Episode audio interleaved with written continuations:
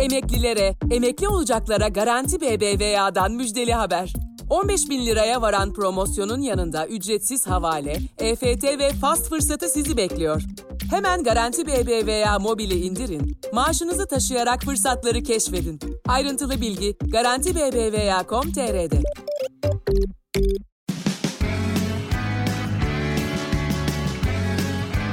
Oku, dinle, izle. Kısa Dalga. Herkese merhaba. Ee, arka planda orman yangınlarını konuşurken bir yandan da e, termik santralin Milas'taki e, Kemerköy termik santralinin yanması e, ve şimdi de hatta yani biz bu kaydı yaparken Yeniköy termik santralinin de tahliye edilmesi, önlemlerin alınması ve yangın tehlikesiyle karşı karşıya olmasını birazcık konuşmak istedim. Bunun için de sevgili dostum, e, gazeteci, iletişimci, e, enerji analisti, Ekosfer Derneği'nin e, yönetim kurulu üyesi Özgür Gürbüz'le birlikteyiz. Merhaba Özgür. Bildim bileli hani iklim krizi konusunda en çok bu işi takip eden, e, bu meseleyi takip eden e, gazetecilerden, aktivistlerden biri oldun hep. E, Özgür şimdi şeyden hemen başlayalım. E, şimdi bu Milas'taki termik santrale hani geldi geliyor geldi geliyor dendi. Ondan sonra da hakikaten bir baktık e, büyük bir panik yaşandı geçen akşam. E, termik santral yandı. Şimdi e, ikinci bir termik santral için de benzer bir tehlike söz konusu. Şimdi sen e, bu, buna baktığın zaman yani orman yangınının e, bu kadar durdurulamaması, sıçraması vesaire falan filan bir yana ama enerji güvenliği açısından bu termik santrallerin bulundukları yerler e, açısından bir durumu bize e, anlatır mısın? Evet tabii yani zamanında bu santraller yapılırken çok itirazlar olmuştu bu bölgeye, Gökova Körfezi'ne bu kadar doğal güzelliği olan bir yere bu santrallerin yapılmaması gerekir diye.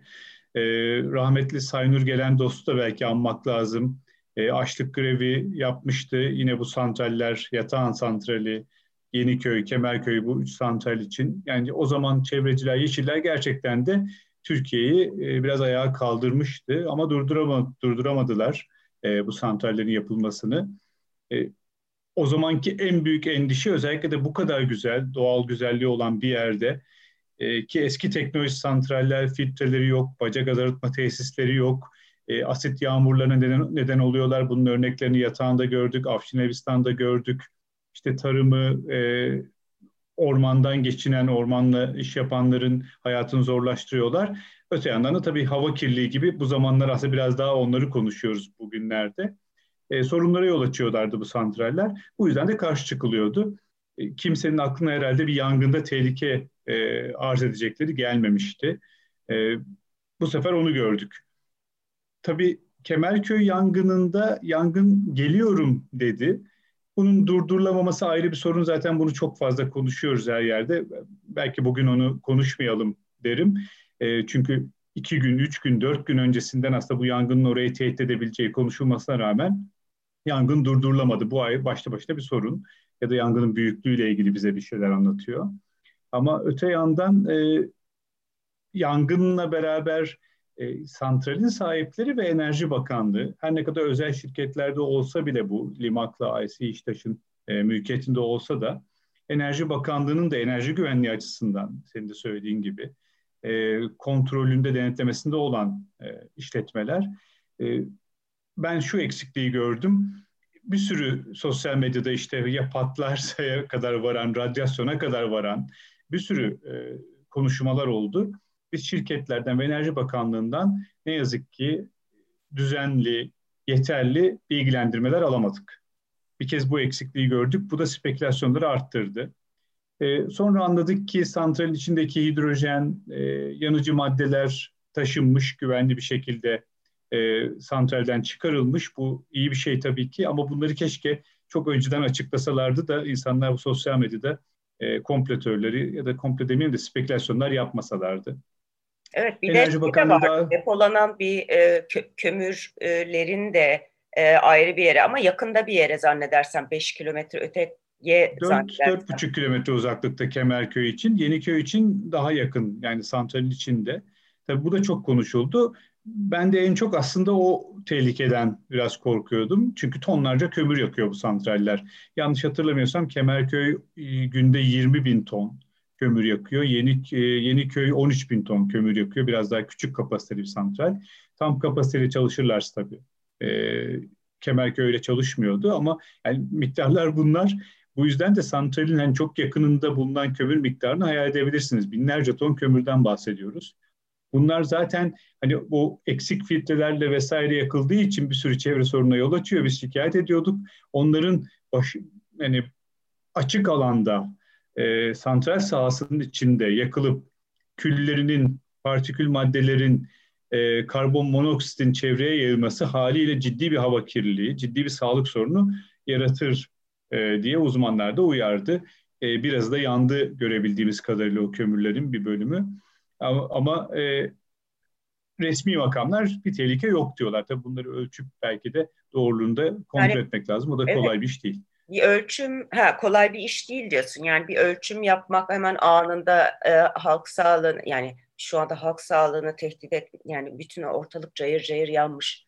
E, ama tabii ki bir de tahliye edilseler de o bölgede yaşayan insanlar için e, tabii ki bir e, gü güvenlik sorunu, bir can yani halk sağlığı tehdidi oluşturdu. Ama hemen emisyon e, ölçümünde de bir şey yok gibi bir açıklama da geldi. Bu öyle hemen Yapılabilir mi bu ölçümü Özgür? Yani hava izleme e, sitesi var. E, kamuya açık bir site Çevre Bakanlığı'nın. Ben de oradan bakabildiğimde e, risk değerlerinin hani altında olduğunu e, ama uyarılar olduğunu gördüm. Bağımsız kuruluşlar da tabii ölçüm yapabilir aslında. Bazı şeyler zor değil ama e, tahminen oradaki orman yangını ile beraber neyin nereden geldiğini de belki çok anlaşılamayabileceği durumlar da olabilir ya da bağımsız ölçümlerin işte ne kadar güvenilir olabileceği e, konusunda belki endişe olabilir. Ama başta başına bir tehlike olduğunu bir kez buradan gördük. E, umarım Yeniköy'e yangın gitmez. Yeniköy'e giderse anladığım kadarıyla daha büyük bir tehlike var. Çünkü e, çünkü kömür sahası santralin hemen içinde, uzakta değil. Yani santrale ulaşırsa o kömürlerin yanma ihtimalinden bahsediyor uzmanlar yine. E, bu kömürlerin tahliyesi de tahmin edebileceğin gibi öyle kolay olacak bir şey değil. Tonlarca kömürden bahsediyoruz. Ee, insanları tabii tahliye edebilirsiniz. Hidrojeni belki tahliye edebilirsiniz ama tonlarca kömür nereye koyacaksınız? Bu bambaşka bir şey gösterdi kısaca bize. Ee, bu santrallerin e, yangın tedbirlerinin e, ne kadar yeterli olup olmadığını, iletişimin şeffaflığını, nasıl başka bir risk te, e, teşkil ettiklerini bize gösterdi. E, şunu tabii sormak lazım. Yani yangın santralin hemen yanındaki ormanlık alandan da başlayabilirdi. O zaman acaba hidrojeni tahliye edebilecek miydik? Amonya tahliye edebilecek miydik? Bunları aslında biraz düşününce insan gerçekten de korkmaya başlıyor. Çünkü yangın ilk santralin yanındaki ormanlık alandan çıksa ve rüzgarın etkisiyle bir anda santrali etkisi altına alsaydı demek ki yapacak fazla bir şeyimiz yoktu. Evet. Ee, bu, bunu da gördük. Bunu kimse pek konuşmuyor aslında. Yani yangın çok uzaktan geliyorum dediği için biz bu önlemleri alabildik. Ee, ne olurdu peki yani o zaman gerçekten de bir patlamadan ve hani çok büyük bir hani yangının iyice e, yani neden bahsedecektik o zaman yani bilmek yani hidrojen, hidrojenden bahsediyorsak hidrojen tabii ki patlayıp yan, e, patlayabilir yani ciddi patlamalar neden olabilir belki bunu en son Fukushima'dan hatırlarsınız Fukushima'da reaktörlerin, patlayan reaktörlerin o güvenlik kaplarını e, uçuran şey hidrojendi zaten. E, bunu tabii uz- ben hani mühendis değilim, uzmanlara sormak lazım ama onlar hani pat, patlayıcı e, bir gaz olduğunu e, zaten biliyoruz e, hidrojenin. E, amonyak da yine zehirleyici bir madde. Bunların herhalde doğaya, havaya karışması e, çok iyi şeyler, hayırlı işler olmazdı. Evet, ben şeye e, yani buradan aslında bir iklim derneğin bir raporu vardı. Çevre mevzuatına uygun olmayan termik santraller diye. Gerçi biz termik santrallere e, toptan kaldırılması gerektiğini e, de konuşacağız. Zaten iklim kriziyle alakalı olan e, kısmı da bu. Hani bırakın yangın tehlikesini, bütün bugün yaşadığımız bu sorunların bir parçası aslında. Ona da geleceğim. Ama iklim Derneği'nin de mesela e, atıkları depolaması açısından e, 13 tane Türkiye'deki termik santralin çevre mevzuatına uygun olmadığını e, tespit etmiş. E, yani ben bunu bilgi olarak söylüyorum. Senin eklemek istediğin şey varsa söyle. Kemerköy, Yeniköy yani bu şu anda bahsettiğimiz iki termik santral ve Çam, Çanakkale'de. E, burada yılda e, daha doğrusu pardon Kemerköy, Yeniköy yatağında bir yılda bir tondan fazla cıvanın e, yeraltı sularına karıştığı söyleniyor. E, ayrıca da emisyon bilgisi yani e, havaya saldığı e, karbon miktarı da ticari sır. Sen buna bir şey eklemek ister misin Özgür? Ya da aslında çok e, yani çok doğru bir rapor, iyi bir çalışma.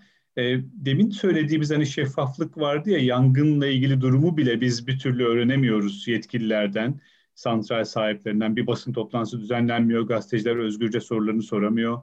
E, tek taraflı iletişimler oluyor, tek kanallara yani e, malum kanallara bilgiler bazen veriliyor.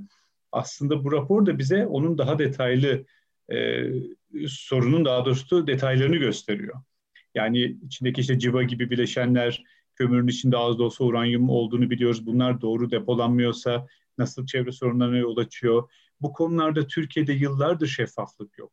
Biz çoğu e, santralin baca gaz arıtma tesislerinin ne kadar çalışıp ne kadar çalışmadığını yıllardır gazeteci olarak yazıp çiziyoruz. E, halbuki bunların e, şu günümüzde internet ortamından an beyan aynı hava kirliliği gibi takip edilebilir olması ve tabii ki bu verilerin güvenilir olması gerekir. Ama Türkiye'de ne yazık ki gerek özel sektör gerek işte kamu e, bu konularda yeterince şeffaf değil. Ve bu e, bazen belki de doğru ve güvenilir işlerden bile insanların kaygı duymasına neden oluyor. Aslında bunu bir de anlatabilsek keşke yani özel sektöre ve kamuya. E, eğer doğru yapıyorsanız işi saklayacak hiçbir yerinizin olmaması gerekir.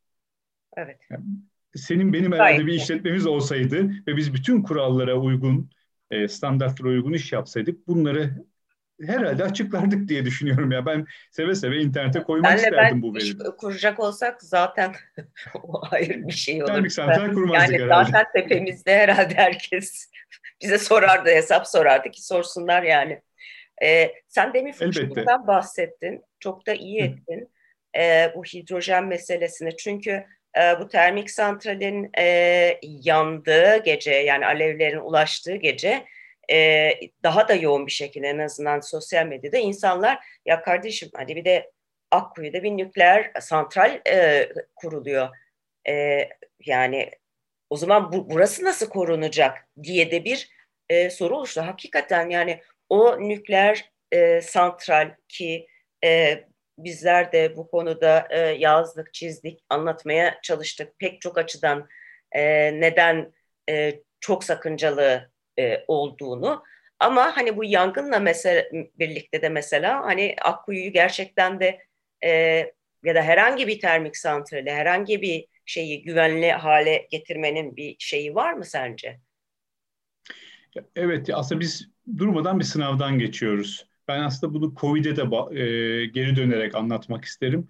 Bakın COVID salgınından sonra Türkiye 5 maske krizi yaşadı. Öyle demek lazım. Maske dağıtımı ile ilgili bir kriz yaşadı.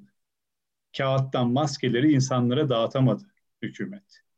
E, bunu neden söylüyorum? Olası bir sızıntıda, olası bir nükleer kazada ilk yapmanız gereken şey e, özellikle çocukları e, kanserden korumak için e, tiroid kanserinden korumak için haplar dağıtmanızdır. Çok çabuk bir sürede bu hapları dağıtabilirsiniz. Birçok çocuğun, birçok insanın hayatını kurtarabilirsiniz. Kadınların, çocukların özellikle hamilelerin.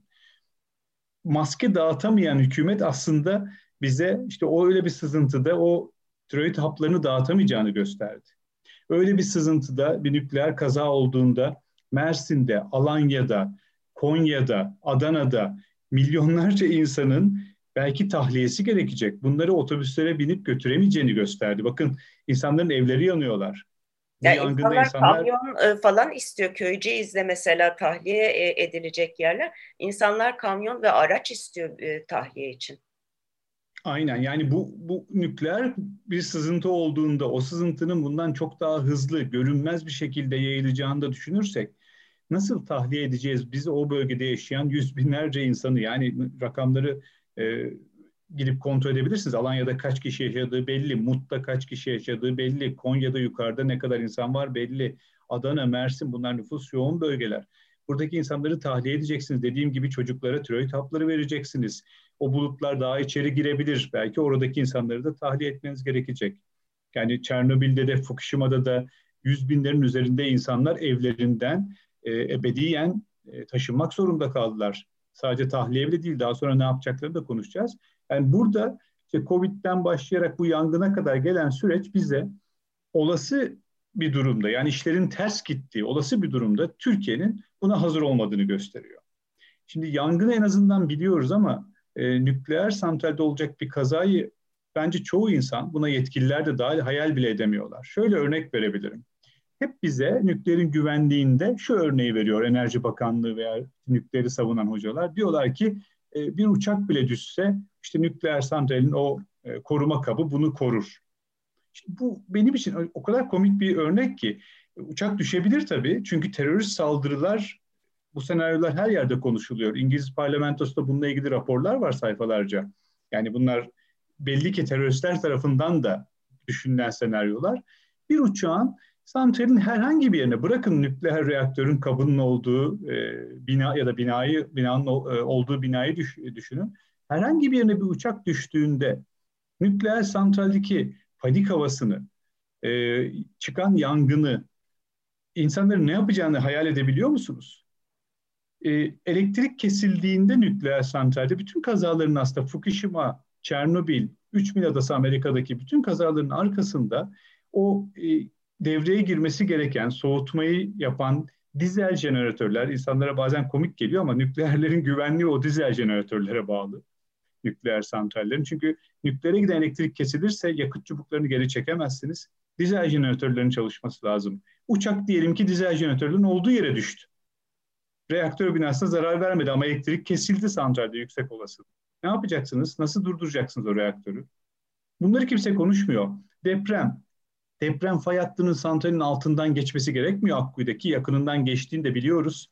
Hem Akdeniz'de e, hem Ecemiş fay hattında ciddi şüpheler var bu konularda.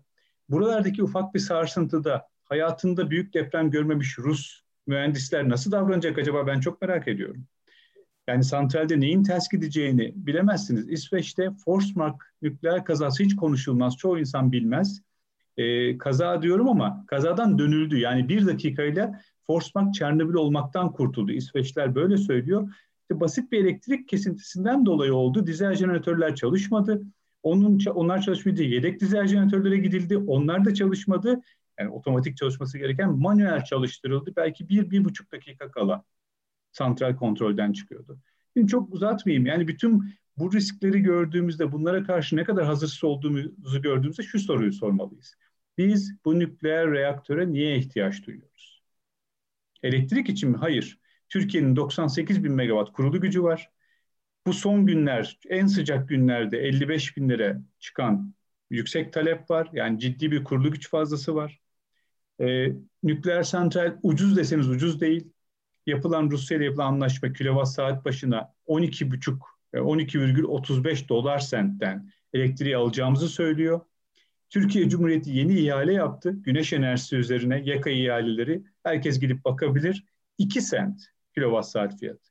Yani güneşten ürettiğimiz elektriğin 6 kat pahalısına elektrik almak için harıl harıl Rusya ile santral, Rusya santral kurduruyoruz. Bizim bile değil zaten santral. %100 hissesi Rusya'ya ait. Ruslar santrali bitirip bize elektrik satacak ve ciddi para kazanacak. Aynı işte köprüler, otoyollar, hava yolları, e, hava limanları hikayesi de benziyor bu hikaye. Bunu da hani şey gelmişken söylemek istedim. Bu yangın tehlikesi aslında bir daha bize niye böyle bir şey yapıyoruz sorusunu sordurmalı. Bence sorduruyordu zaten.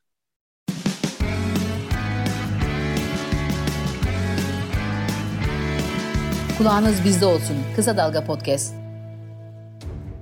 Senin gibi enerji analistleri, daha e, çevre dostu e, enerjilere geçiş yapmak lazım ya da nükleer santrale ihtiyacımız yok. hatta yani termik santral konusunu da şey yapalım yani fosil yakıt iklim krizinin e, zaten en önemli tetikleyicisi bu termik santraller. E, ona dair bir şey e, söyler misin Özgür? Yani insanlara ya kardeşim işte tamam mesela restlerle de ilgili sorunlar çıkıyor. Detayına girmeyelim ama düzgün bir planlamayla Türkiye e, çevre dostu bir e, şeye e, enerji üretimine geçemez mi? Yani bu çok mu zor? Çok mu pahalı? Çok kolay. Bunu istersen önceki soruna kısaca yanıt vereyim. Hani doktorlar bize hep şunu anlatır ya, hastayı tedavi etmek değil, hasta olmasını önlemek aslında onların mesleği. Bizim iklim meselesinde de aynı şey geçerli. Yangın meselesinde de yangını söndürmekten hep bahsediyoruz farkındaysanız. Ne kadar hani geç kaldık, işte niye uçağımız yok. Ben ise yangını çıkarmamaktan bahsediyorum. Yani iklim krizini durdurabilirsek bu yangınların çıkmasını engelleyeceğiz. Hepimiz bugün şahit oluyoruz ki iklim krizi bize öyle yangınlar vaat ediyor ki bunlar bizim söndürebilme kabiliyetimizin ötesinde.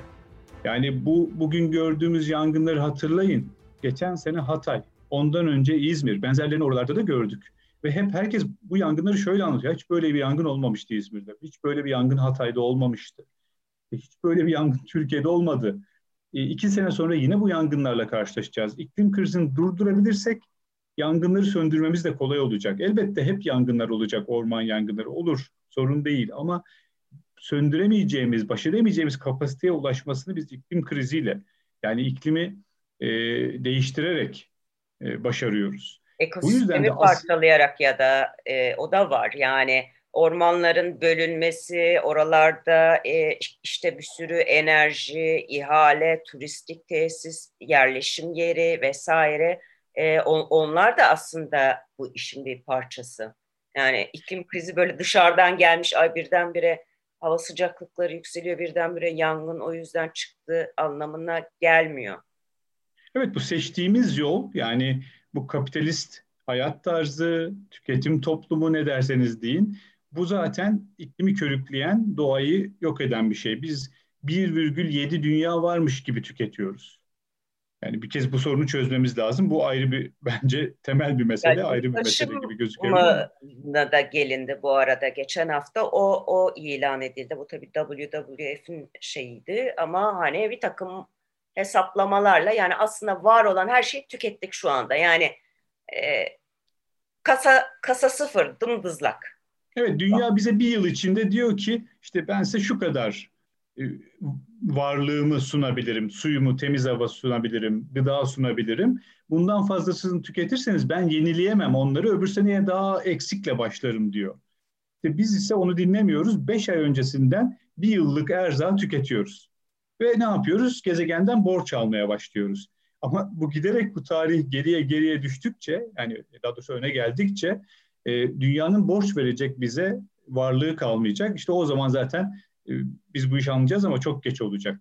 Şimdi aslında ironi e, ironi de var işin içinde. Çünkü biz iki hafta önce bu yangınlardan önce belki bazılarımız duymuştur. İkizköy'de termik santral için yeni ormanlar kesilmesin diye uğraşıyor. Şimdi bir bakıyorum bütün hükümet yetkilileri, herkes orman yangınlarından üzüntü içerisinde. Yani yaptıkları açıklamalar öyle. E, peki ormanlar yanınca üzülüyorsunuz da ormanlar kesilince üzülmüyor musunuz termik santral için? Yani aynı şeyi termik santraller, hani bu yangınları çıkaran aslında körükleyen termik santraller için daha fazla orman kesmeye çalışıyoruz. Kesmeye de başlamışlardı İkizköy'de. Şimdi o ormanları yangından korumaya çalışıyoruz. Yani inanılmaz bir şuursuzluk içerisinde e, bir politikamız, bir yön, yönümüz, bir çizgimiz ya da bu olayları anlam, anlayıp derlediğimiz bir planımız olmadan hareket ediyoruz. Biz bunu çok net görebiliyoruz. Türkiye, şimdi hani demin sorduğun soruya da yanıt vereyim. Türkiye termik santralsiz, nükleer santralsiz enerji ihtiyacını karşılayabilir mi? Evet. Çok rahat karşılayabilir. E, demin söylediğim rakamlar zaten teknik olarak bunu söylüyor. O kadar fazla kurulu gücümüz var ki. Bunlardan termikleri çıkardığımızda yerine yenilebe enerjileri koyduğumuzda bir denge sağlayabiliriz. Türkiye'nin kapasitesi var. Türkiye e, rüzgar enerjisinde Avrupa'nın en iyi iki potansiyeline sahip ülkesinden biri İngiltere ile beraber.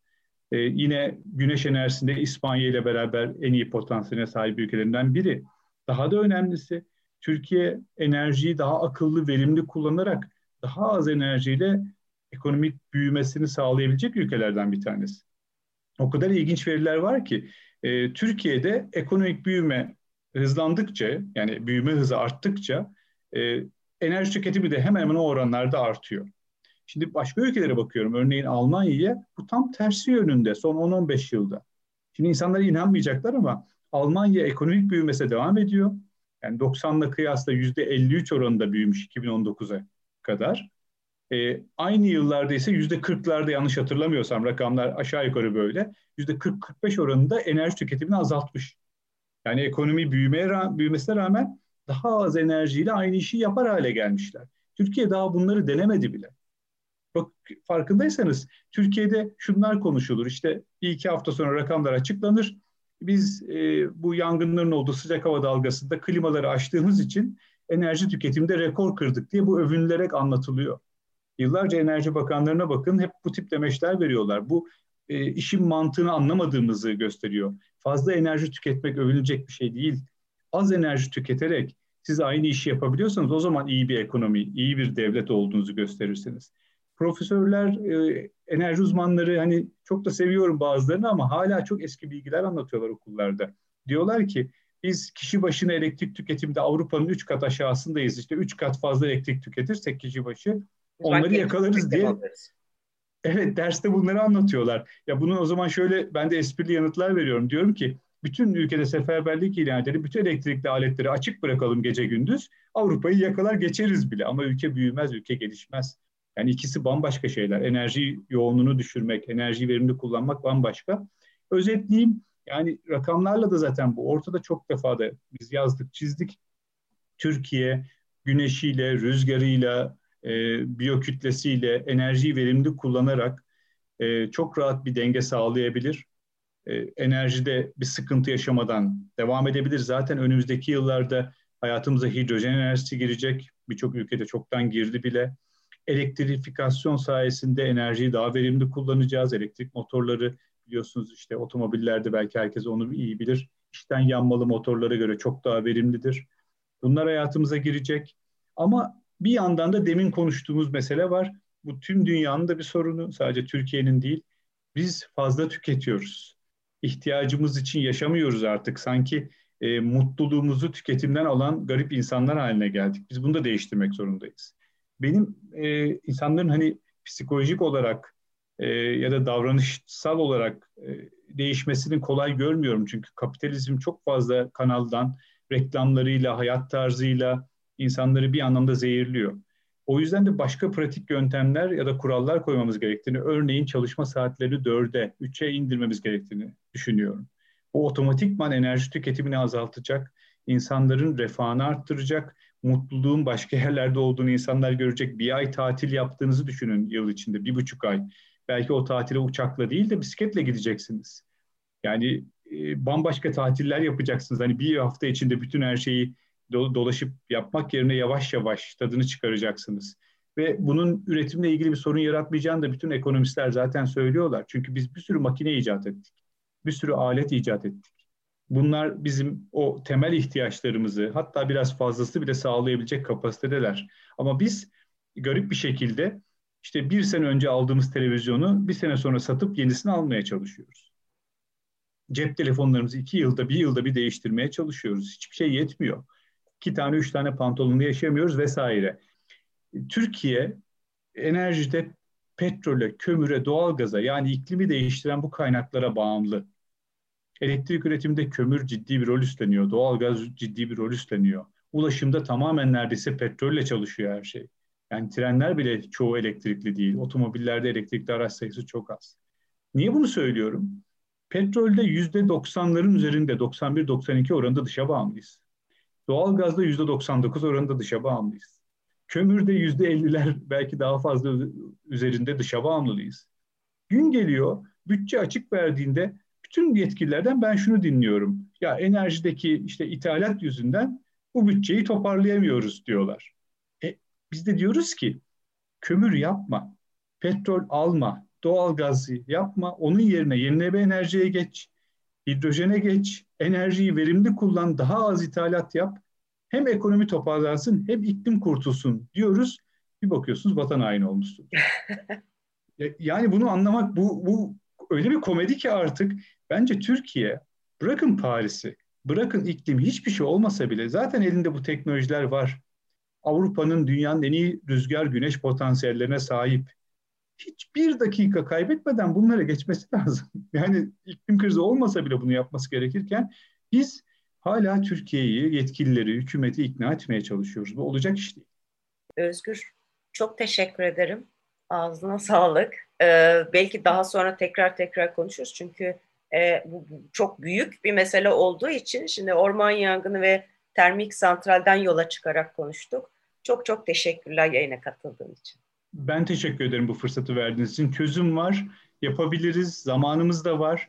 Yani insanlar korkmasınlar. E, bu sorun büyük ama çözülebilecek bir sorun. Yeter ki harekete geçelim. Teşekkürler. Kısa Dalga podcastleri Demet Bilge Erkasab'ın editörlüğünde Mehmet Özgür Candan'ın post prodüksiyonu ve Esra Baydemir'in hazırladığı görseller ile yayınlanıyor. Kısa Dalga'ya destek vermek için Patreon sayfamızı ziyaret edebilirsiniz.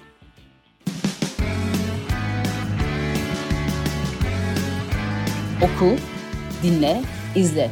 Kısa Dalga.